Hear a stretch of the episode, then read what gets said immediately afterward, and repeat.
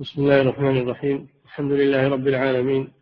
الصلاة والسلام على نبينا محمد وعلى آله وأصحابه أجمعين. أما بعد قال المؤلف رحمه الله تعالى وجماع الدين أصلان. أن لا نعبد إلا الله ولا نعبده إلا بما شرع لا نعبده بالبدع. بسم الله الرحمن الرحيم. الحمد لله رب العالمين صلى الله وسلم على نبينا محمد على آله وأصحابه أجمعين.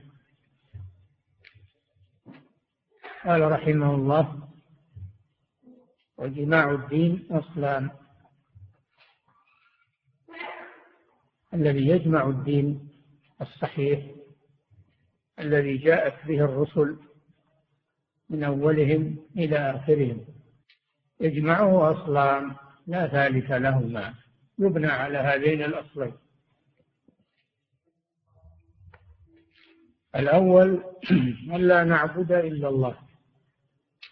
لأن هناك من يعبد غير الله إما أن يعبد غير الله استقلالا وإما أن يعبده مع الله. ويشرك بالله عز وجل. العبادات كثيرة.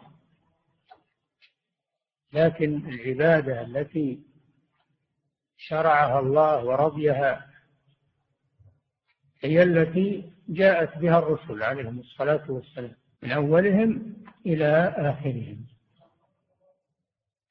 فهذه العبادة تتكون من أصلين. الأصل الأول ألا نعبد إلا الله فلا نشرك به شيئا. و بأي شيء سمي هذا الشرك. لأنه قد لا يسمى شركا قد يسمونه توسلا أو محبة للصالحين أو ما أشبه ذلك. فيقولون هؤلاء نحن نعبد نحن نعلم أنه لا ينفع ولا يضر ولا يخلق ولا يرزق إلا الله. ولكن نتخذ هذه الوسائط بيننا وبين الله لتشفع لنا عنده مجرد شفاعة. كما قال تعالى ويعبدون من دون الله ما لا يضرهم ولا ينفعهم ويقولون هؤلاء شفعاؤنا عند الله. فهم لا يسمونه شركا وإنما يسمونه طلبا للشفاعة عند الله. الشفاعة لها شروط. الشفاعة حق ثابتة ولكن لها شروط.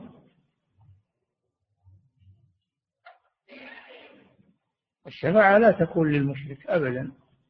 ما تنفعهم شفاعة الشافعين ولا تكون إلا بعد إذن الله جل وعلا. من ذا الذي يشفع عنده إلا بإذنه. ليس كل إنسان يتخذ شفعاء من غير هذين الشرطين. آه، هم يسمونه طلبا للشفاعة ويسمونه توسلا إلى الله. يسمونه بأسماء لا يسمونه بالشرك ولكن العبرة بالحقيقة لا بالأسماء. الأسماء لا تغير الحقائق. فأنت لو سميت السم عسلا ما صار عسلا يبقى سما. لأن الاسم لا يغيره. كذلك الشرك. إذا سميته طلبا للشفاعة أو توسلا فهذا لا يغيره. هو شرك. هو شرك بالله سبحانه وتعالى. يقولون ما نعبدهم إلا ليقربونا إلى الله. زلفى كل هذا باطل. فلا يعبد إلا الله جل وعلا. وهذا معنى لا إله إلا الله. شهادة لا إله إلا الله. لأن معناها لا معبود حق إلا الله جل وعلا. لا معبود حق. هناك معبودات لكنها ليست بحق. كلها باطلة. ذلك بأن الله هو الحق. وأن ما يدعون من دونه هو الباطل. أن الله هو العلي الكبير لا معبود حق. ليس معنى لا إله إلا الله. لا معبود إلا الله. لا هذا باطل. لأن يعني هناك معبودات. إذا كل المعبودات تكون هي الله. وهذا قول الوجود أهل وحدة الوجود. هذا قول أهل وحدة الوجود. فلا تفسر لا إله إلا الله لا معبود إلا الله. لا بد من كلمة حق. لا معبود بحق إلا الله. لينفي المعبودات بغير حق. هذا هو الأصل الأول أن لا نعبد إلا الله. وهذا ينفي جميع أنواع الشرك. هذا الأصل ينفي جميع أنواع الشرك. بأي اسم سمي وهو منفي لا إله إلا الله وباطل. هذا الأصل الأول.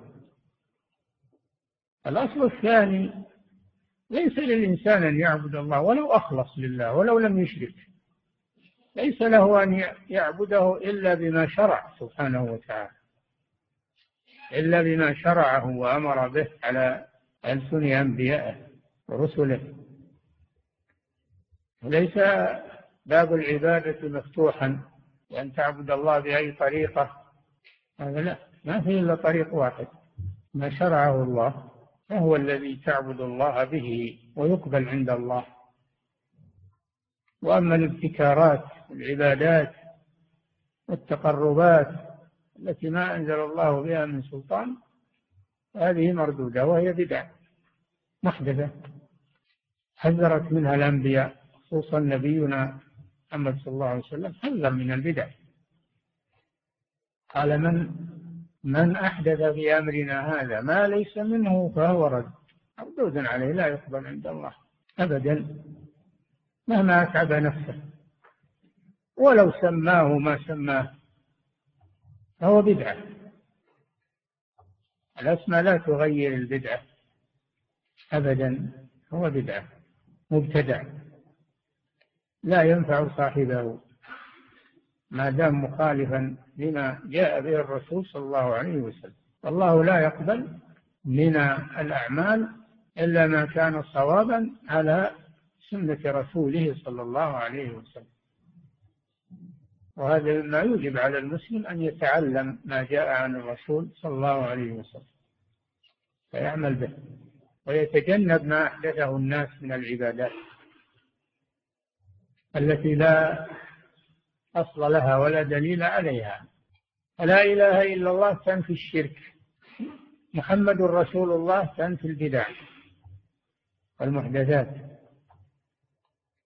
وإذا عبد الله على غير طريقة الرسول فهو محدث في العبادة ما ليس منها وعمله مردود.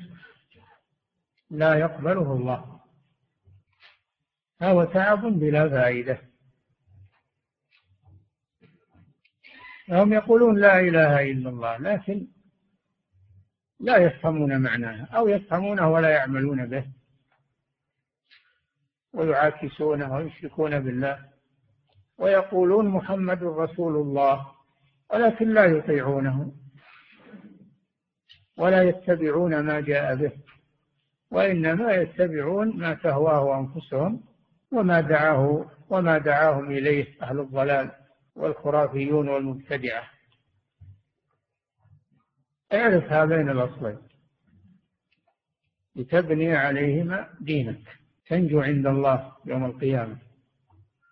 هذا أمر مهم جدا. والدليل على هذين الأصلين أدلة كثيرة. أعظمها الشهادتان. معنى أشهد أن لا إله إلا الله أنه لا يعبد بحق إلا الله جل وعلا وأن عبادة ما سواه باطلة. أشهد أن محمد رسول الله أن تعبد الله بما شرع على لسان رسوله محمد صلى الله عليه وسلم ولا تحدث أو يحدث لك شيء لم يأت به الرسول صلى الله عليه وسلم. هذا أعظم الأدلة. الشهادتان أعظم الأدلة على هذين الأصلين. وقال تعالى قل إنما أنا بشر مثلكم يوحى إلي أنما إلهكم إله واحد. فمن كان يرجو لقاء ربه فليعمل عملا صالحا ولا يشرك بعبادة ربه أحدا. يعمل عملا صالحا هذا هو العمل الذي جاء به الرسول صلى الله عليه وسلم هو العمل الصالح. وما عداه فهو باطل. هذا أصل. الأصل الثاني ولا يشرك بعبادة ربه أحدا. والناس على أقسام. إما من يشرك بالله عز وجل إما من يشرك بالله عز وجل فيحدث فيعبد مع الله غيره وإما أن يعبد الله بشيء لم يشرعه ولم يأمر به. مع أنه يخلص لله لكن عمله بدع. ولو أخلص لله ما ينفع. يتقرب إلى الله بشيء لم يشرعه هذا باطل ولا ينفعه. عند الله سبحانه وتعالى. قال تعالى وقالوا لن يدخل الجنة إلا من كان هودا. وقال تعالى وقالوا كونوا هودا أو نصارى تهتدوا. قل بل ملة إبراهيم حنيفا وما كان من المشركين؟ ملة إبراهيم هي التي فيها الإخلاص وفيها المتابعة. لن يدخل الجنة إلا من كان هودا أو نصارى. تلك أمانيهم. هذا باطل. هم يتمنون هذا وهو باطل. والأماني لا مستحيلة. التمني إنما يكون في المستحيل. أما الترجي فهو يكون في الممكن. لكن التمني لا يكون إلا في الأمر المستحيل. تلك أمانيهم. ثم قال لهم هاتوا برهانكم على هذا النفي أن يدخل الجنة إلا من كان هودا أو نصارى. ما هو دليلكم على هذا الكلام؟ لأن من جاء بشيء من يزعم أنه من الدين فلا بد أن يقيم الدليل عليه. قل هاتوا برهانكم إن كنتم صادقين. ثم بين من يدخل الجنة. فقال بلى أن يدخلها بلى يعني يدخلها. هذا نقض للنفي في قولهم لن يدخل الجنة. نقضه بقوله بلى من أسلم وجهه لله وهو محسن هذا هو الذي يدخل الجنة. من أسلم وجهه لله هذا الإخلاص. والوجه هنا معناه العمل. معناه العمل. إخلاص العمل والنية لله عز وجل. هذا الأصل الأول. وهو محسن أي متبع للرسول صلى الله عليه وسلم. فمن لم يكن على سنة الرسول فليس محسنا وإنما هو مبتدع. فلا يقبل الله إلا بهذين الأصلين. أن يسلم وجهه لله هذا هو الإخلاص. وهو محسن هذا هو المتابعة للرسول صلى الله عليه وسلم. ودون هذا لا فائدة بالعمل ولا فائدة بأي شيء تقرب به إلى الله. كل عمل لا يشتمل على هذين الأصلين فهو باطل. نعم. وجماع الدين أصلان. أن لا نعبد إلا الله ولا نعبده إلا بما شرع. نعم. لا نعبده بالبدع. لا نعبده بالبدع. والبدعة ما أحدث في الدين مما ليس منه. هي البدعة في الشرع. نعم. كما قال تعالى فمن كان يرجو لقاء ربه فليعمل عملا صالحا ولا يشرك بعبادة ربه أحدا. نعم. فليعمل عملا صالحا. هذا هو المتابعة. ولا يشرك هذا هو الإخلاص. نعم. وذلك تحقيق الشهادتين شهادة أن لا إله إلا الله وشهادة أن محمدا رسول الله. ففي الأولى أن لا نعبد إلا إياه. وفي الثانية أن محمدا هو رسوله المبلغ عنه. فعلينا أن نصدق خبره ونطيع أمره. علينا أن نصدق خبره ونطيع أمره ونعمل بشريعته. طاعته فيما أمر تصديقه فيما أخبر. واجتناب ما نهى عنه وزجر وأن لا يعبد الله إلا بما شرع هذا معنى أشهد أن محمد رسول الله. نعم. وقد بين لنا ما نعبد وقد بين لنا ما نعبد الله به. بين لنا صلى الله عليه وسلم ما نعبد الله به. ونهانا عن البدع نهانا عن الشرك ونهانا عن البدع عليه الصلاة والسلام. نعم. ونهانا عن محدثات الأمور وأخبر أنها قال عليه الصلاة والسلام وإياكم ومحدثات الأمور فإن كل محدثة بدعة وكل بدعة ضلالة. نعم. وقال تعالى بلى من أسلم وجهه لله وهو محسن فله أجره عند ربه ولا خوف عليهم ولا هم يحزنون. له أجره أي أجر عمله يدخره الله له لأن الله لا يظلم أحدا.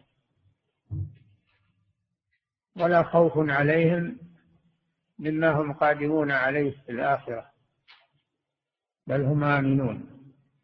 ولا هم يحزنون على ما تركوا من الدنيا. نعم. وكما أننا مأمورون أن لا نخاف إلا الله ولا نتوكل إلا, إلا على الله ولا نرغب إلا إلى الله ولا نستعين إلا بالله وأن لا تكون عبادتنا إلا لله. فكذلك نحن مأمورون أن نتبع الرسول ونطيعه ونتأسى به. كما أننا مأمورون بالتوحيد وإفراد الله بالعبادة جميع أنواعها من خوف ورجاء ورغبة ورهبة وتوكل إلى آخر أنواع العبادة. كذلك نحن مأمورون باتباع الرسول صلى الله عليه وسلم. فنعمل بما جاء به ونترك ما نهانا عنه. وقد أمرنا بعبادة الله ونهانا عن البدع والمحدثات. نعم. فكذلك نحن مأمورون أن نتبع الرسول ونطيعه ونتأسى به. فالحلال نتبع الرسول نتبع سنته ونسير على نهجه ونطيعه. لا نطيع أهواءنا أو نطيع غير الرسول صلى الله عليه وسلم في أمور العبادة. هذا لا يطاع فيه إلا الرسول صلى الله عليه وسلم. هذا واجبنا نحو الرسول صلى الله عليه وسلم. نعم أعد. أن نتبع الرسول ونطيعه ونتأسى به. ونتأسى به أي نقتدي به. هو القدوة لا نقتدي بغيره في أمور العبادة كما قال تعالى لقد كان لكم في رسول الله أسوة حسنة. أي قدوة. تأسوا به واقتدوا به. نعم. فالحلال ما حلله والحرام ما حرمه والدين ما شرعه. الحرام الحلال ما حله الرسول صلى الله عليه وسلم. والحرام ما حرمه الرسول. أما أقوال الناس وأقوال العلماء فما وافق قول الرسول صلى الله عليه وسلم قبلناه وما خالف تركناه. لا أحد يحلل ويحرم من عنده. إنما هذا راجع إلى ما جاء به الرسول صلى الله عليه وسلم. نعم. الحلال ما حلله والحرام ما حرمه والدين ما شرعه. ولو جاء واحد وحرم شيئا ولم يحرمه الرسول صلى الله عليه وسلم لا نطيعه. ولو جاء أحد و أحل ما حرمه الرسول صلى الله عليه وسلم لا نطيعه. ولو جاء أحد بدين غير دين الرسول لا نقبله. لا نقبل دينا غير دين الرسول صلى الله عليه وسلم الذي جاء به. نعم. قال الله تعالى ولو أنهم رضوا ما آتاهم الله ورسوله وقالوا حسبنا الله سيؤتينا الله من فضله ورسوله إنا إلى الله راغبون. فجعل الإيتاء لله وللرسول. كما قال تعالى وما آتاكم الرسول فخذوه وما نهاكم عنه فانتهوا. هذه الآية في سياق الرد على المنافقين. منهم من يلمزك في الصدقات فإن أعطوا منها رضوا وإن لم يعطوا منها إلا هم يسقطون ولو أنهم رضوا ما آتاهم الله ورسوله فجعل الإيتاء لله وللرسول وهو الإعطاء. الله يعطي والرسول يعطي أيضا من المال. الرسول يعطي من المال كما قال تعالى وما آتاكم الرسول فخذوه وما نهاكم عنه فانتهوا ما آتاكم من المال وغيره من من الأوامر والنواهي. هذا عام. ما آتاكم هذا عام. كل ما آتانا الرسول نقبله ونأخذه. لكن الآية نزلت في في الصدقات والعبرة بعموم اللفظ لا بخصوص السبب كما عند الأصوليين. نعم. فجعل الإيتاء لله وللرسول كما قال وما آتاكم الرسول فخذوه وما نهاكم عنه فانتهوا. هذا ليس فيه شرك. الرسول يؤتي والله يؤتي ليس في هذا شرك لأن هذا معناه العطاء من الصدقات والمال. نعم. وجعل التوكل على الله وحده. أما التوكل فهو عبادة ويكون إلا لله وحده. وعلى الله فتوكلوا هذا حصر إن كنتم مؤمنين. فلا يتوكل على الرسول صلى الله عليه وسلم ولا على غيره. نعم. وجعل التوكل على الله وحده بقوله وقالوا حسبنا الله. حسبنا الله كافينا ووكيلنا. نعم. ولم يقل ورسوله. ولم يقل حسبنا الله ورسوله لأن هذا عبادة. عبادة لا تكون إلا لله. التوكل عبادة. نعم. كما قال في وصف الصحابة رضي الله عنهم في الآية الأخرى الذين قال لهم الناس إن الناس قد جمعوا لكم فاخشوهم فزادهم إيمانا وقالوا حسبنا الله ونعم الوكيل. لما حصل على الصحابة ما حصل في وقعة أحد من المصيبة العظيمة وما حصل لهم من القتل بسبب خطأ بعضهم بسبب خطأ بعضهم ومخالفتهم لأمر الرسول صلى الله عليه وسلم. ورجع المشركون مفتخرين رجعوا مفتخرين بما أصابوا. ولا يعلمون أن هذا عليهم لا لهم وأن الله سيحيط بهم. رجعوا مفتخرين. فلما ساروا مسافة نحو مكة تلاوموا بينهم وقالوا لماذا ما لم نقضي على بقيتهم؟ لماذا لا تركنا بعضهم؟ لم لم نقضي عليهم جميعا. فهموا بالرجوع. هموا بالرجوع مرة ثانية ليستأصلوا المسلمين بزعمه. فبلغ الخبر رسول الله صلى الله عليه وسلم. وقال له من قال إنهم قد جمعوا لكم جمعوا الرجوع والقوة والعزم أن يستأصلوكم وبلغ الرسول صلى الله عليه وسلم ذلك للمسلمين. ما ضعفوا ولا استكانوا ولا أثر فيهم هذا الكلام لأنهم متوكلون على الله. بل قالوا حسبنا الله ونعم الوكيل. الذين قال لهم الناس إن الناس أي قريش قد جمعوا لكم فاخشوهم خافوا منهم. ما كان منهم إلا أن قالوا حسبنا الله. أي الله كافينا ولن يضرنا أحد إذا توكلنا على الله. وخرجنا للجهاد مرة ثانية لأننا في سبيل الله. حسبنا الله ونعم الوكيل. خرجوا. خرج بهم الرسول صلى الله عليه وسلم وفيهم الجرحى. خرجوا على إثر الواقعة. خرجوا. وجاء ونزلوا في مكان يقال له حمراء الأسد قريب من المدينة. ينتظرون. ينتظرون قدوم المشركين. فألقى الله الرعب في قلوب المشركين لما علموا أن الرسول خرج هو وأصحابه يريدون لقاءهم. قالوا ما خرجوا إلا وفيهم قوة. فهابوا واستمروا في مسيرهم إلى مكة. وكفى الله المسلمين شرهم. الذين استجابوا لله والرسول من بعد ما أصابهم القرح. يعني أصابهم ما أصابهم في أحد. ما أثر عليهم أو قل من عزائمهم أو أرهبهم. الشاهد في قوله قالوا حسبنا الله أي كافينا ونعم الوكيل.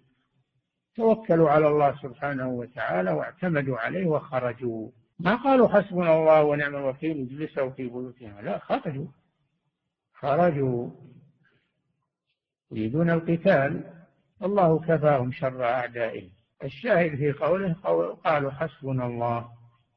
يعني ما يهمنا تهديد المشركين وجمع المشركين ما يهمنا هذا. نعم.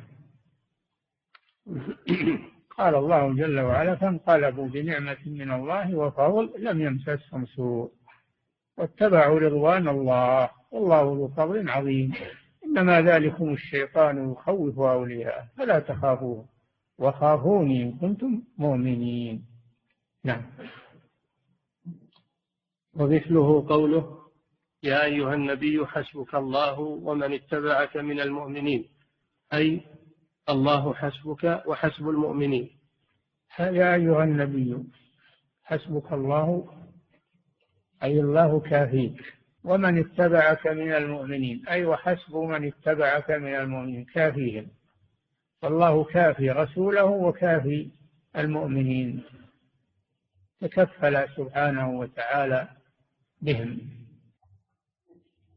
ومن اتبعك من المؤمنين الواو عاطفة والمعطوف عليه ضمير المخاطب حسبك حسبك الله ومن اتبعك من المؤمنين. أي أيوة وحسب من اتبع من المؤمنين. وليس المراد أن ومن اتبعك من المؤمنين معطوفا على الله جل وعلا فيكون المعنى حسبك الله وحسبك من اتبعك من المؤمنين. لا هذا غلط.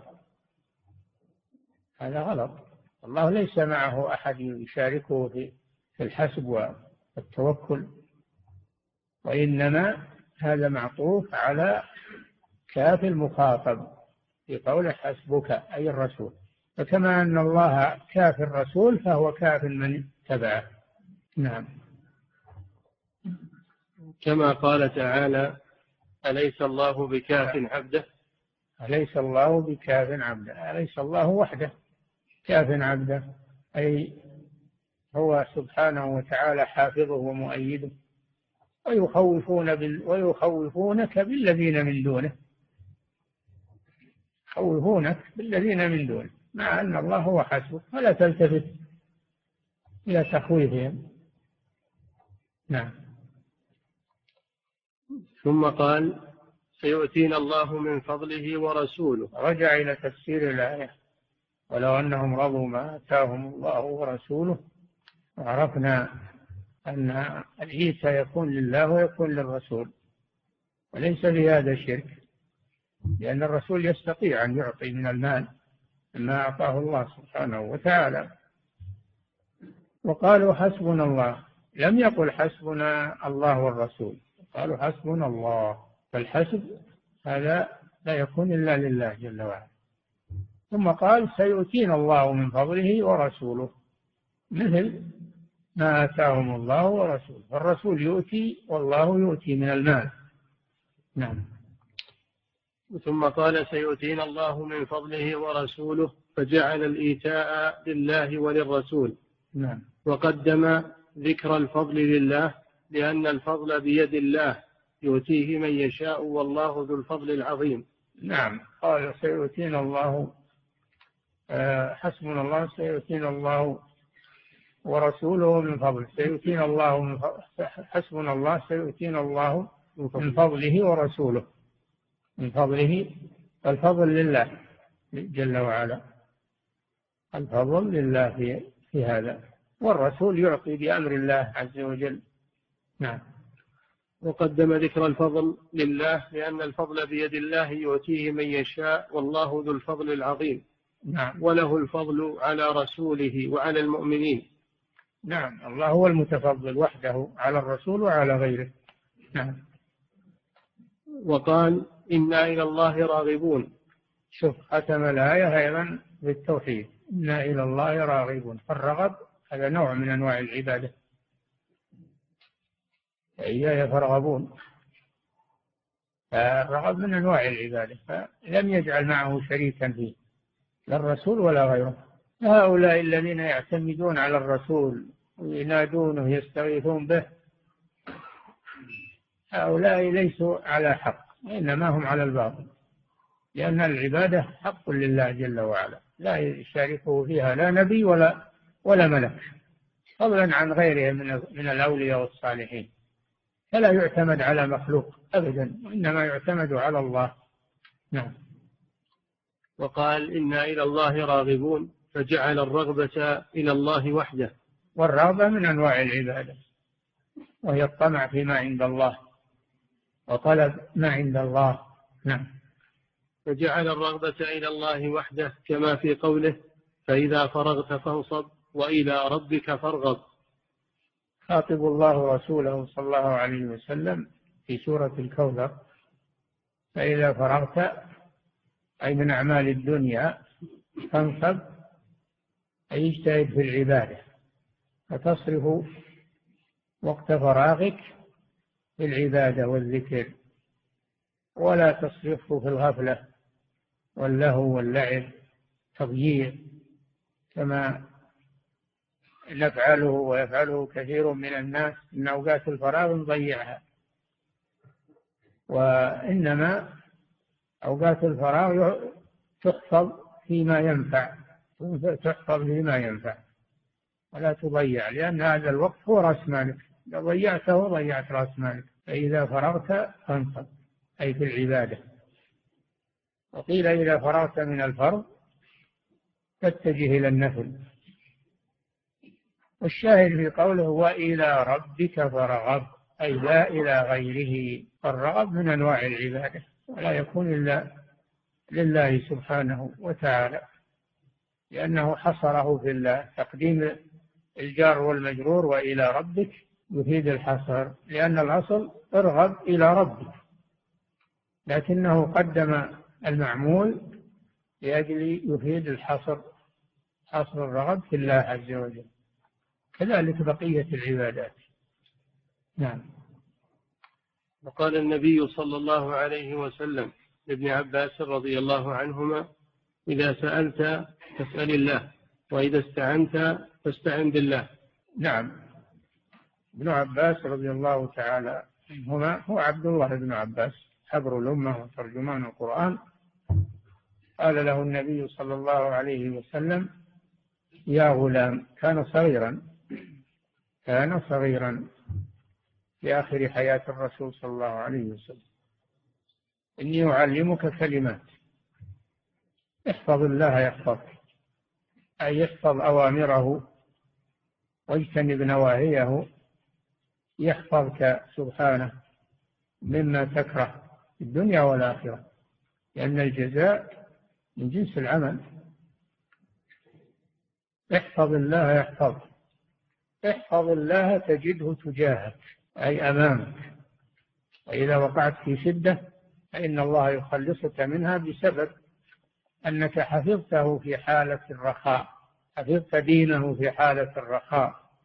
فيحفظك الله في حال الشدة. تجده تجاهك. فإذا استعنت فاستعن بالله لأن الاستعانة من أنواع العبادة. إياك نعبد وإياك نستعين. الأمور التي لا يقدر عليها إلا الله لا يستعان إلا بالله فيها. أما الأمور التي يقدر عليها المخلوق فلا مانع من الاستعانة بالمخلوق فيما يقدر عليه. وتعاونوا على البر والتقوى. ولا تعاونوا على الإثم والعدوان. والله في عون العبد ما كان العبد في عون أخيه. هذا في الأمور التي يقدر عليها الإنسان. أما الأمور التي لا يقدر عليها إلا الله فلا يستعان إلا بالله. نعم. فجعل العبادة والقرآن والقرآن يدل على مثل هذا في غير موضع. القرآن يدل على مثل هذه الأشياء التي ذكرها من الرغبة والتوكل والاستعانة و... نعم. في غير موضع يعني في مواضع كثيرة من القرآن. نعم. فجعل العبادة والخشية والتقوى لله وجعل الطاعة والمحبة لله ورسوله. جعل المحبة والطاعة لله وللرسول. يحب الله ويحب الرسول صلى الله عليه وسلم. وليس في هذا شرك محبة الرسول تابعة لمحبة الله. والطاعة كذلك. أطيعوا الله وأطيعوا الرسول. لأن طاعة الرسول تابعة لطاعة الله عز وجل. نعم. وجعل العبادة والخشية والتقوى لله. نعم. لا يشاركه فيها أحد. نعم. وجعل الطاعة والمحبة لله ورسوله كما في قول الله عن نوح عليه السلام أن اعبدوا الله واتقوه وأطيعون. اعبدوا الله شوف اعبدوا الله لأن العبادة خاصة بالله عز وجل. واتقوه تقوى خاصة لله جل وعلا. ثم قال وأطيعون لأن طاعته طاعة لله. من يطع الرسول؟ فقد أطاع الله. نعم. وقوله ومن يطع الله ورسوله ويخشى الله ويتقه فأولئك هم الفائزون. من يطع الله ورسوله فالطاعة لله وللرسول. وأما الخشية والتقوى فهي لله وحده ولم يقل ويخشى الرسول ويتقي الرسول. نعم. وأمثال ذلك. فالرسل أمثال ذلك كثير في القرآن لكن القرآن يحتاج إلى تدبر وإلى انتباه. لسياقاته وأوامره ونواهيه حتى يفهم الإنسان القرآن على الوجه الصحيح. نعم. فالرسل أمروا بعبادته وحده. جميع الرسل جميع الرسل أمروا بعبادة الله وحده وأنكروا الشرك. جميع الرسل. كما قال تعالى وما أرسلنا من قبلك من رسول إلا نوحي إليه. أنه لا إله إلا أنا فاعبدون. كل الرسل جاءوا بهذا لقد بعثنا في كل أمة رسولا أن اعبدوا الله واجتنبوا الطاغوت. كل الرسل جاءوا بالأمر بعبادة الله وحده والنهي عن الشرك. هذا أجمع عليه الرسل عليهم الصلاة والسلام. نعم. والرسل أمروا بعبادته وحده والرغبة إليه والتوكل عليه وطاعته. نعم لأن هذا هو أنواع العبادة نعم. وتبليغ رسالته. فأضل الشيطان النصارى وأشباههم. فأشركوا بالله وعصوا الرسل فاتخذوا أحبارهم ورهبانهم أربابا من دون الله والمسيح ابن مريم. فالنصارى وهم الذين ينتسبون إلى دين المسيح عيسى بن مريم عليه السلام. عصوا المسيح وخالفوا أمره وعبدوا الله بما لم يشرعه لهم اتخذوا أحبارهم وهم العلماء ورهبانهم وهم العباد أربابا من دون الله يحلون لهم الحرام ويحرمون عليهم الحلال ويطيعونهم. هذا دين النصارى والعياذ بالله. اتخذوا أحبارهم ورهبانهم أربابا من دون الله. فليس لأحد أن يحلل ويحرم إلا الله عز وجل. والرسل مبلغون عن الله لكن النصارى حرفوا وغيروا وبدلوا اتخذوا الأحبار والرهبان منهم أربابا. هم ما قالوا أربابنا لكن إذا أطاعوهم في التشريع التحليل والتحريم فهذا معنى اتخاذهم أربابا. ولو ما قالوا مع أنهم الآن يصرحون يقولون المسيح هو الرب. هو الرب المسيح ابن الله. والرب معكم. يريدون المسيح المخلص اللي يخلصكم من الذنوب المسيح. وما أشبه ذلك من خزعبلاتهم المضحكة والعياذ بالله. فهذا أحدثوه هذا ما هو دين المسيح عليه السلام. المسيح ينهى عن هذا. ويحذر منه. لكن لما مات عليه السلام أحدثوا هذه الأمور. ولهذا يوم القيامة يقول الله جل وعلا وإذ قال الله يا عيسى ابن مريم يا عيسى ابن مريم أأنت قلت للناس اتخذوني وأمي إلهين من دون الله؟ قال سبحانك. نزه الله سبحانه وتعالى عن هذا سبحانك أنا أن أقول ما ليس لي بحق.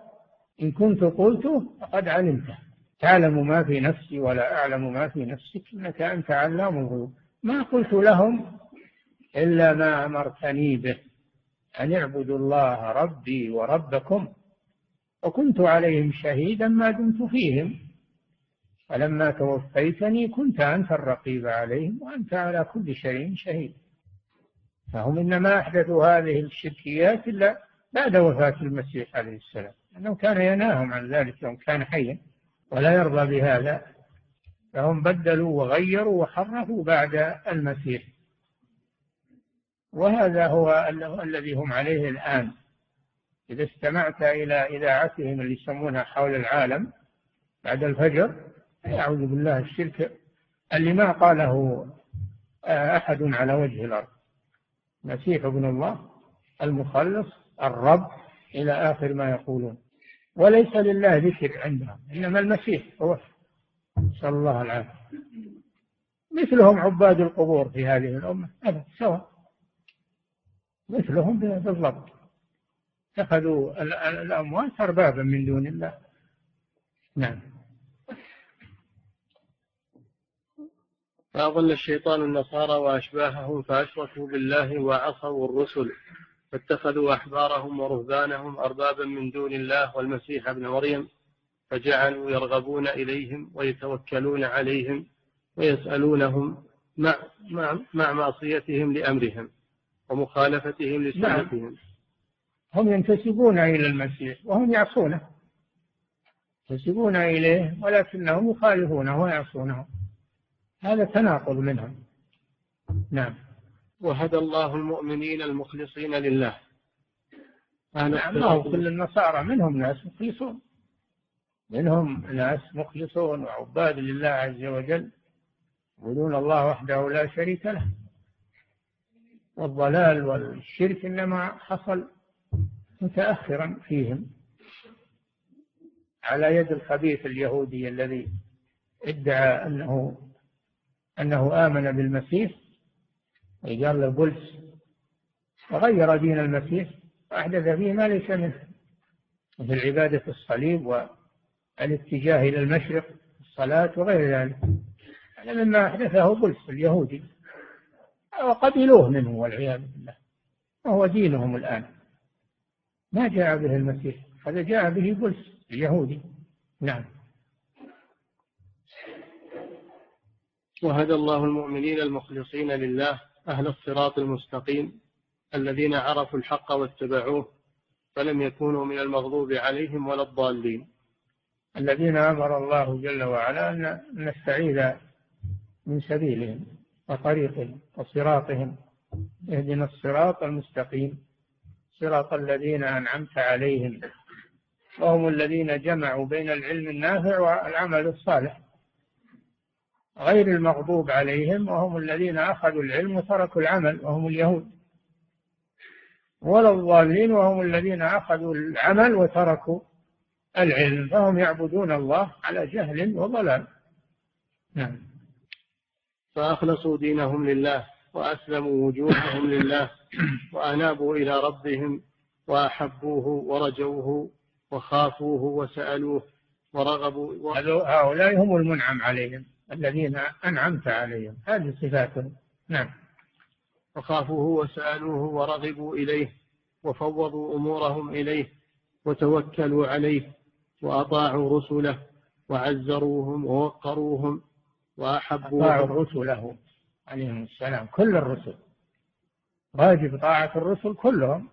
فمن جحد رسالة واحد منهم فهو كافر بالجميع. لا بد من الإقرار برسالتهم جميعا. لا نفرق بين أحد من رسله. ولا بد من طاعتهم في ما جاءوا به من التوحيد والإخلاص العبادة لله عز وجل. نعم. وأطاعوا رسله وعزروهم ووقروهم. عزروهم يعني وقروهم. تعزير هنا معناه التوقير والاحترام. ولم يتنقصوا أحدا منهم. نعم. وأحبوهم ووألوهم واتبعوهم وأحبوهم. يحبون في الله عز وجل. أولا محبة الله ثم محبة الرسل ثم محبة المؤمنين. نعم. وأحبوهم ووألوهم واتبعوهم واقتفوا آثارهم واهتدوا بمنارهم. نعم. وذلك هو دين الإسلام الذي بعث الله به الأولين والآخرين من الرسل. وهو الدين الذي لا يقبل الله من أحد دينا إلا إياه. نعم. وهو وذلك هو دين الإسلام الذي بعث الله به الأولين والآخرين من الرسل. الذي هو الإخلاص لله عز وجل في العبادة بما شرع. هذا دين جميع الرسل. الإخلاص لله بعبادته فيما شرعه. هذا دين جميع المرسلين من أولهم إلى آخرهم. نعم. وهو الدين الذي لا يقبل الله من أحد دينا إلا إياه. كما قال تعالى ومن يبتغي غير الإسلام دينا فلا يقبل منه. وهو في الآخرة من الخاسرين. وقال جل وعلا في أول السورة إن الدين عند الله الإسلام. أي إخلاص العبادة لله عز وجل. نعم. وهو الدين الذي لا يقبل الله من أحد دينا إلا إياه وهو حقيقة العبادة لرب العالمين. نعم. فنسأل الله العظيم أن يثبتنا عليه آمين. ويكمله لنا ويميتنا عليه وسائر إخواننا المسلمين. الحمد لله وحده صلى الله على سيدنا محمد وآله وصحبه وسلم. اللهم صل وسلم على محمد. غفر الله له. تقبل الله منا ومنه وجزاه عن الإسلام والمسلمين خير الجزاء. نعم وإن شاء الله سنبدأ في كتاب المنتقى آه، لمجد الدين بن تيمية في الحديث إن شاء الله. نعم.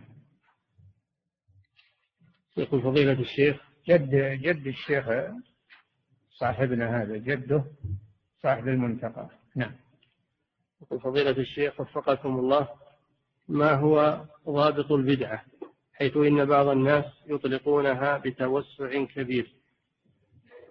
البدعة ضبطها الرسول صلى الله عليه وسلم في قوله من أحدث في أمرنا هذا ما ليس منه. فكل محدث في الدين فهو بدعة.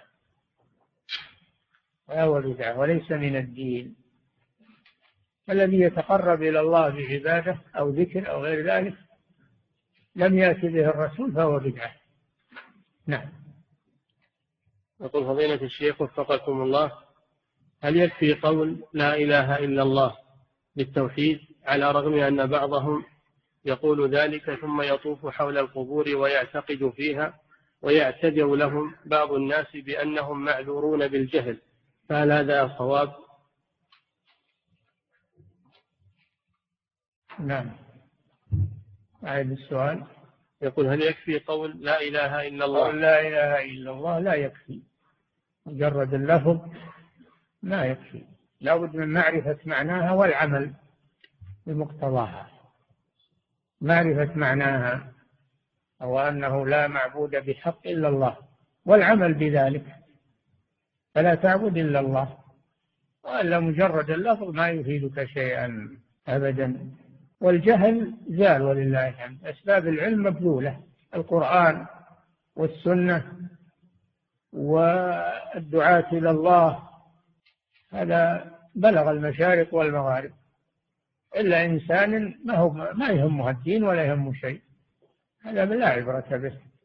أو إنسان معاند ولا يقبل هذا أيضا لا عبرة به. الجهل يزول بالعلم. والعلم مبذول ولله الحمد. والتقصير إنما هو من المقصر. نعم. يقول فضيلة الشيخ وفقكم الله كان السلف رحمهم الله ينهون عن الأخذ من المبتدعة. فهل يريدون بهذا من كانت بدعته كلية كالقدر والمرجئ؟ أم يدخل في ذلك من كانت بدعته جزئية كمن يحتفل بالمولد؟ الله ما في شك أن الابتعاد عن المبتدعة أنه أحسن. وأهل السنة كثير ولله الحمد. فيهم غنى فيهم بركة. اطلب العلم عند أهل السنة والجماعة. نعم. يقول فضيلة الشيخ وفقكم الله هل يجوز أن يقال جاء عن الشارع كذا ونعني بذلك رسول الله صلى الله عليه وسلم أم أن الشارع هو الله والرسول مبلغ؟ هذا هو. الشارع هو الله والرسول مبلغ. الشارع إذا أردت به الرسول فهو شارع من عند الله يشرع من عنده إنما هو شارع من عند الله مبلغ عن الله. نعم. يقول فضيلة الشيخ وفقكم الله ما الجواب لمن ينصح باتباع الرسول صلى الله عليه وسلم في أقواله وأفعاله بامتثال أوامره واجتناب نهيه؟ فيقول نحن لا نستطيع أن نكون مثله عليه الصلاة والسلام. ولا مثل الصحابة رضوان الله عليهم فتجده يقصر في الواجبات ويرتكب بعض المحرمات بسبب هذه الشبهة. فما الجواب يعني ما يستطيع يترك الحرام ولا يستطيع يفعل الطاعة ويصلي ويصوم. هذا هذا كلام باطل. يستطيع الله أعطاه الله القدرة. لو كان لا يستطيع لم يواخذه الله. ما واخذه الله وعاقبه إلا لأنه يستطيع لكنه ترك. باختياره هذه مغالطة. مثل الكلام هذا مغالطة. وأنت تطيع الرسول وتفعل ما جاء به حسب استطاعتك. لا يكلف الله نفسا إلا وسعها. حسب استطاعتك ومقدرتك. نعم. وفضيلة الشيخ وفقكم الله. ذكر المؤلف رحمه الله أن التوكل لله خاصة. فهل على الله على الله. أن التوكل على الله خاصة. نعم. فهل يجوز أن يقول القائل أنا أنا متوكل على الله ثم عليك؟ لا. لا هذا اللفظ خاص بالله عز وجل. أما المخلوق فتقول له وكلتك. وكلتك في كذا ولا تقول توكلت عليك. نعم. يقول فضيلة الشيخ وفقكم الله ما الفرق بين البدعة الحقيقية والبدعة الإضافية؟ البدعة الحقيقية التي ليس لها أصل في الدين. أما الإضافية فيكون لها أصل لكن يزاد عليها وينقص من من الأصل فهذه إضافية. فمثلا الصيام صيام التطوع هذا سنة لكن تخصيصه بيوم أو بأسبوع بدون دليل هذا بدعة إضافية. أضفت إلى المسنون أضفت إليه شيء من عندك خصصته بوقت أو بمكان لا دليل عليه. هذه الإضافية. نعم. يقول فضيلة الشيخ وفقكم الله. هل الذكر ذكر الله جل وعلا. هذا مشروع. تخصيصه بوقت أو بعدد يحتاج إلى دليل. فإن خصصت بوقت أو بعدد لا دليل عليه فهذه بدعة إضافية. نعم. يقول فضيلة الشيخ وفقكم الله هل الشكر عبادة؟ وهل إذا قلت؟ هل الشكر عبادة؟ وهل إذا قلت أشكر الله وأشكر فلان أو ثم أشكر فلان هل هذا جائز؟ الشكر عبادة. ولا تقول أشكر الله وأشكر فلان بالواو هذا لا يجوز. تقول أشكر الله ثم أشكر فلان أو أشكر الله ثم أشكرك فتكون ثم هذه مرتبة لشكر العبد على شكر الله وتابعة لشكر الله سبحانه وتعالى. نعم. يقول فضيلة الشيخ وفقكم الله يقول وكيف الجواب عن قول الله سبحانه أن اشكر لي ولوالديك؟ هل الواو هنا للاشتراك؟ نعم. يقول وما الجواب عن قوله تعالى أن اشكر لي ولوالديك؟ يقول هل الواو هنا للاشتراك؟ لا. الواو هنا بمعنى ثم لوالديك يعني تابعة. نعم. يقول فضيلة الشيخ حفظه لأن المنعم الحقيقي هو الله والمخلوق الوالدان وغيرهما إنما هما من فضل الله عليك. نعم. يقول فضيلة الشيخ وفقكم الله هل قول القائل اعتمدت على الله ثم عليك هل هذه اللفظة صحيحة؟ ما فيها بأس. إذا جاء بثم فلا بأس. نعم. يقول فضيلة الشيخ وفقكم الله كيف أعرف أني أني مخلص في عملي لله سبحانه؟ وكيف يكون ردي على الناس إذا مدحوني في عمل من الأعمال؟ تكون مخلصا إذا أفردت الله بالعبادة ولم تنوي معه غيره. ولا تريد دنيا ولا, ولا ثنى ولا مدح إنما تريد وجه الله. هذا هو المخلص. وإذا مدحك الناس فأنت تعلم نفسك تعلم ما في تعلم نفسك تعلم قدرك. فلا تغتر بمدح الناس. لا تغتر بمدح الناس لك. نعم. يقول فضيلة الشيخ وفقكم الله يفرق يفرق بعض الناس بين شرك أهل الكتاب وشرك من ينتسبون للإسلام في هذا الزمان. فهل هناك فرق بين الكافر الأصلي وبين من انتسب للإسلام ثم وقع في شرك أكبر؟ لا أعرف هذا التفريق. من أتى بالشرك فهو مشرك سواء من أهل الكتاب أو من هذه الأمة. من أتى بالشرك فهو مشرك من أي أمة كان. نعم. يقول فضيلة الشيخ وفقكم الله بعض العوام يقولون إن العمل إن العمل من أجل كسب المال الحلال يعد عبادة. فهل هذا القول صحيح؟ طلب الرزق من الله عبادة ما في شك. لأجل تكافي نفسك وتكفي أولادك وتتصدق. هذا عبادة. نعم. فضيلة الشيخ وفقكم الله ما حكم رفع الأصبع عند قول لا إله إلا الله؟ مستحب. إشارة للتوحيد إشارة للتوحيد نعم. يقول فضيلة الشيخ وفقكم الله من ابتلي بشيء من القاذورات ثم تاب منها فهل يلزمه أن يتحلل من الذي أخطأ عليه؟ نعم. حقوق الناس ولو تبت إلى الله ما تسقط عنك إلا بمسامحته. تطلب منهم المسامحة وإن كان عنده عندك لهم مظلمة أو مال أو حق تؤديه إليه. نعم. يقول فضيلة الشيخ وفقكم الله يقول إني إمام مسجد في إحدى البلدان فهل يجوز لي أن أدخل في المدارس النظامية للحصول على الشهادة علما أن هذه المدارس مدارس صوفية وإن لم أحصل على هذه الشهادة قد يقومون بإنزالي من إمامة المسجد إن لم تكن معي هذه الشهادة؟ هل يجوز لي أن أدخلها؟ لا ولو أنزلوك الأمر سهل لا تدخل المدارس الصوفية والمبتدعة ولو أنزلوك آه، طلب الرزق والدعوة يعني ميسرة في كل مجال هي مقصورة على الإمامة. نعم. يقول فضيلة الشيخ وفقكم الله يقول ما المراد بالطائفة البهائية وما هي عقيدتهم؟ البهائية طائفة منحرفة يعتقدون أن الله حال فيهم. يعتقدون أن الله حال فيهم والعياذ بالله. ويعبدون المخلوقين لأن الله حال فيهم. نعم.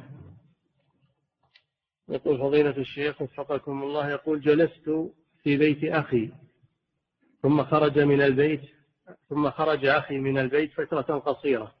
وكنت جالسا في مجلس الرجال والباب مغلق ولم أفتح. وامرأة أخي داخل البيت فهل يجوز هذا أم هذا من الخلوة؟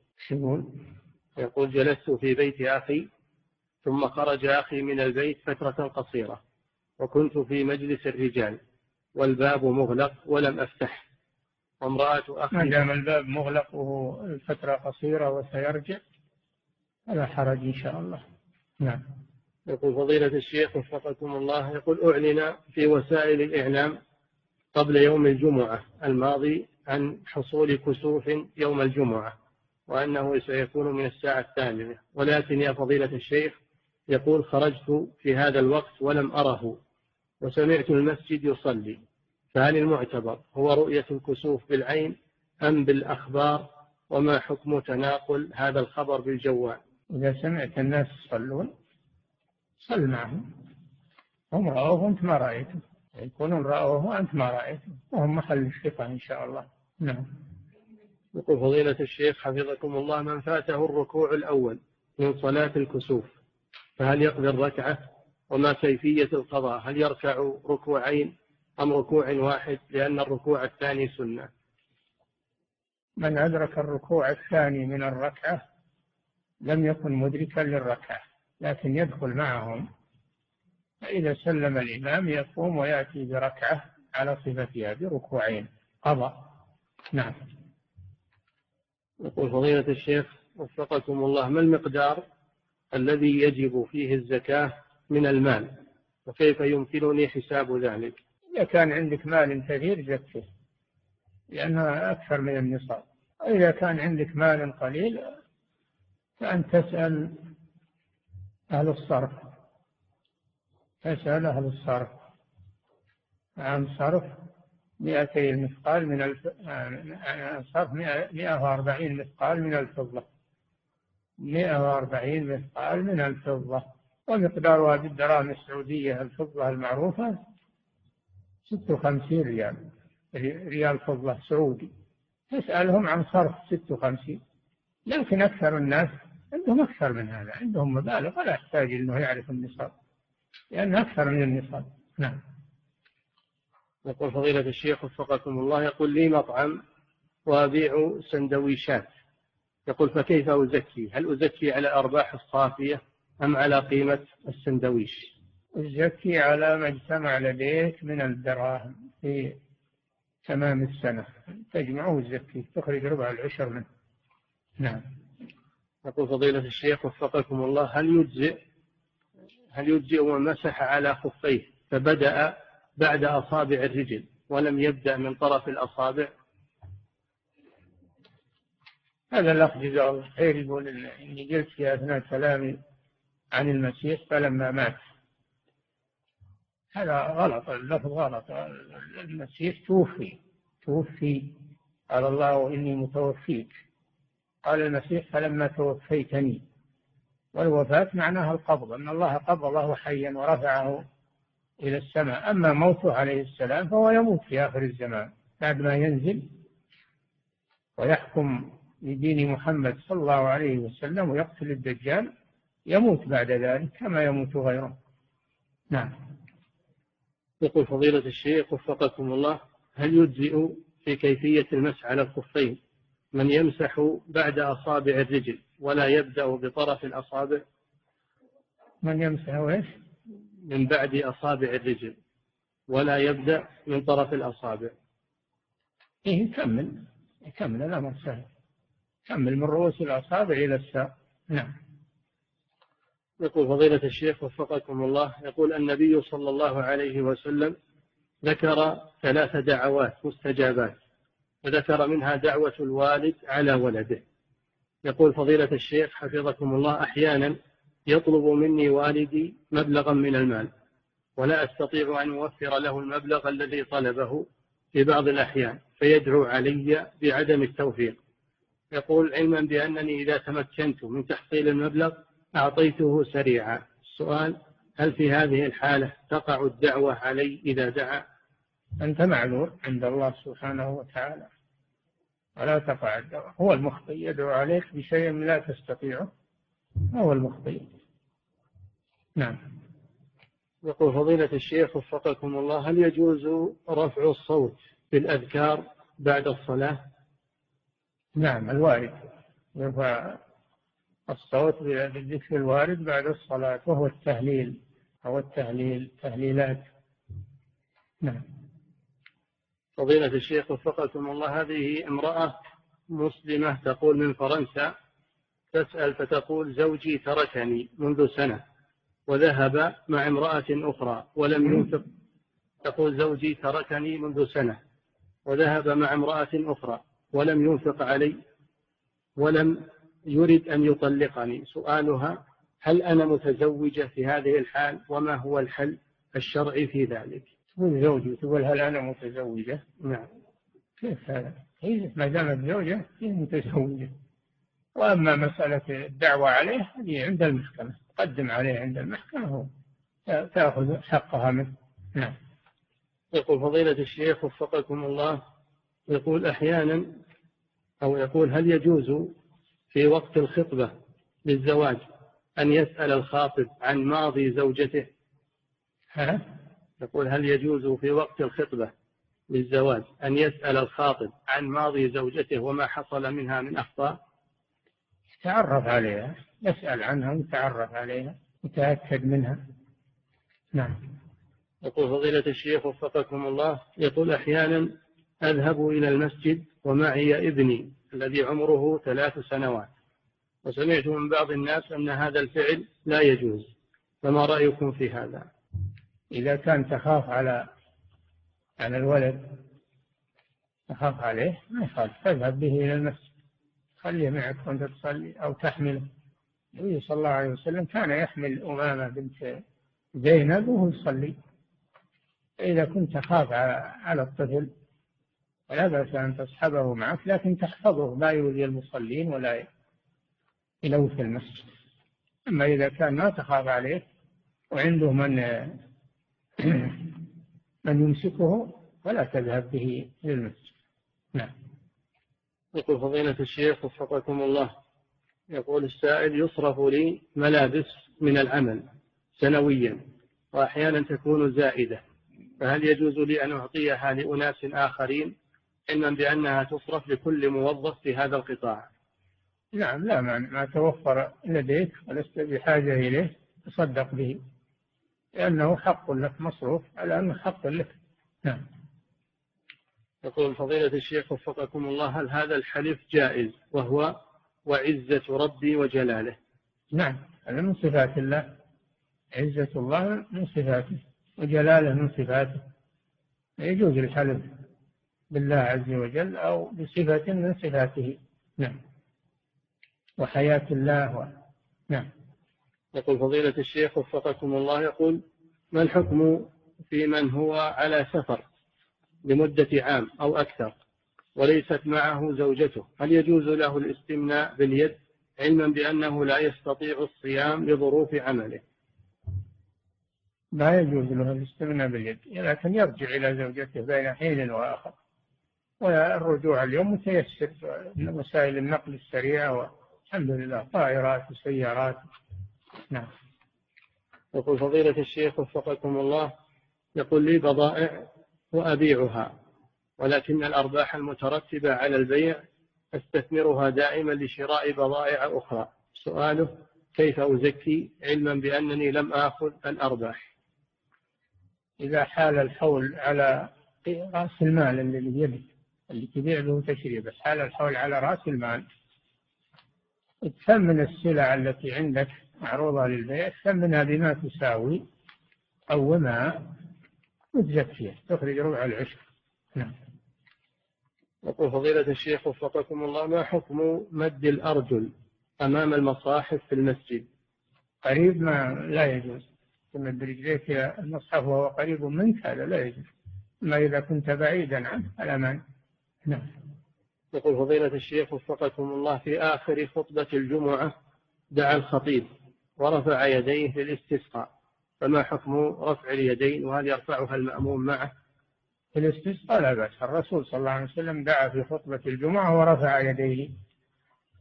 رفع الناس أيديهم. لا مانع. دعاء الاستسقاء ترفع به الأيدي. في خطبة الجمعة أو في خطبة الاستسقاء. نعم. يقول وهل للخطيب أن يستسقي في يوم الجمعة في كل جمعة؟ نعم. يقول وهل للخطيب في يوم الجمعة أن يستسقي في كل جمعة من الأسبوع؟ ما دام لم ينزل المطر يكرر في كل جمعة ما في مانع. نعم. يقول فضيلة الشيخ وفقكم الله هل الولد يأتي ويراد به الذكر والأنثى أم يراد به الذكر فقط؟ وهل في قول النبي صلى الله عليه وسلم إذا مات ابن آدم انقطع عمله إلا من ثلاث وذكر ولد, ولد صالح يدعو له؟ هل يراد به الذكر فقط أم الذكر والأنثى؟ في ألسنة العوام الولد خاص بالذكر ولكن في لسان الشرع واللغة العربية الولد يشمل يشمل الذكر والأنثى. نعم. يقول فضيلة الشيخ وفقكم الله متى يبتدئ المسح على الخفين؟ ومتى ينتهي؟ ومتى ينتهي؟ يبدأ المسح على الخفين من الحدث بعد اللبس. يلبسهما على طهارة توضأ ويلبسهما بعد الوضوء. فإذا أحدث انتقض وضوءه بدأ وقت المسح. والنهاية إن كان مقيما يوم وليلة من بداية وقت المسجد وإن كان مسافرا ثلاثة أيام بلياليه كما جاءت به السنة. نعم. يقول فضيلة الشيخ وفقكم الله رجل مسح على العمامة. ثم خلعها فهل ينتقض وضوءه؟ نعم. إذا خلع الممسوح من عمامة أو من أو من خفين أو جوارب فإنه ينتقض وضوءه لأن الممسوح أزيل وخرج العضو. نعم. فزالت الرخصة. نعم. يقول فضيلة الشيخ وفقكم الله ما حكم شرب أو يقول هل ينقض؟ شرب حليب الإبل هل ينقض الوضوء؟ لا. شرب حليبها وشرب مرقها وشرب أبوالها لا ينقض الوضوء. إنما الذي ينقض الوضوء أكل لحم الإبل أكل لحم الإبل كما جاء في الحديث. نعم. يقول فضيلة الشيخ وفقكم الله يقول كيف نجمع بين المحبة في قوله سبحانه إنك لا تهدي من أحببت لعمه أبي طالب وبين قوله سبحانه لا تجد قوما يوادون من حاد الله ورسوله. إنك لا تهدي من أحببت المفعول محذوف تقديره من أحببت هدايته. من أحببت هدايته. أو يكون المراد الحب الطبيعي لا الحب الديني. نعم. يقول فضيلة الشيخ وفقكم الله يقول والدتنا تصر على أختنا أن تسافر إليها. نعم يقول والدتنا المريضة تصر على أختنا أن تسافر إليها علما بأنها ستسافر دون محرم بالطائرة ويستقبلها لا طاعة لمخلوق في معصية الخالق. لا يحل لامرأة تؤمن بالله واليوم الآخر أن تسافر إلا ومعها ذو محرم. فلا تطيع والدتها ولا في ذلك. إن جاء لها محرم تسافر وإلا تبقى وهي معذورة شرعا. يقول فضيلة الشيخ وفقكم الله يقول إذا كان للرجل زوجتان وحصل بينه وبين إحدى زوجاته مشاكل السؤال هل يجوز للزوج أن يهجر إحدى زوجاته لمدة يوم أو يومين ولا يبيت عندها بل يبيت عند الأخرى؟ يهجرها في المضجع لكن لا يبيت عند الأخرى. يبيت وحده. أو ينام مع المهجورة ولا يلتفت إليها ولا يكلمها. يروح للثانية لا. وهذا يقول يقول رجل عنده امرأتان طلبت منه إحداهما وهي الجديدة أن يذهب بها إلى العمرة. وقالت الأولى يجب أن تأخذني إلى العمرة أيضا. فما هو الحكم الشرعي في ذلك؟ هل عليه أن يذهب بهما جميعا الحكم الشرعي إن ذهب بهما جميعا انتهت المشكلة. وإن كان ما يذهب بهما جميعا فالرسول صلى الله عليه وسلم كان يقرع بين نسائه فمن خرجت لها القرعة ذهب بها. يستعمل القرعة في هذا. نعم. يقول فضيلة الشيخ وفقكم الله إذا كانت المرأة أصلها غير يهودي ولا نصراني بل تنصرت من أجل أن يتزوجها مسلم ولم تدخل في الإسلام ولكن تنصرت لأجل ذلك. هل يجوز الزواج؟ لا ما يجوز. تغيير الدين ما يجوز لأجل غرض من أغراض الدنيا ما يجوز هذا. لا يتزوجها موسعها الله يأخذ مسلمة. ولا يأخذ نصرانية أصلية ما يبغى نصرانية يعني علشان الزواج فقط. بشرط أن تكون محصنة يعني عفيفة عن الزنا. نعم. يقول فضيلة الشيخ وفقكم الله. يقول بعض الإخوة المصلين يأكل الثوم والبصل فيتأذى من بجواره برائحته في المسجد. هل, نعم. هل هذا الفعل جائز؟ نعم. الفعل إيش؟ تأذي. لا أكل الثوم والبصل. لا ما يجوز. نهى الرسول صلى الله عليه وسلم عن عن حضور المسجد لمن أكل ثوما أو بصلا. يصير عاصيا للرسول صلى الله عليه وسلم. لا يجوز له يأكل الثوم والبصل ويروح للمسجد يؤذي المصلين. ويؤذي الملائكة. نعم. يقول فضيلة الشيخ وفقكم الله في قول النبي صلى الله عليه وسلم لا تطروني. هل معنى ذلك؟ عدم المبالغة في الإطراء أو عدم المدح أصلا سدا لباب الذريعة؟ الرسول يمدح صلى الله عليه وسلم بصفاته يثنى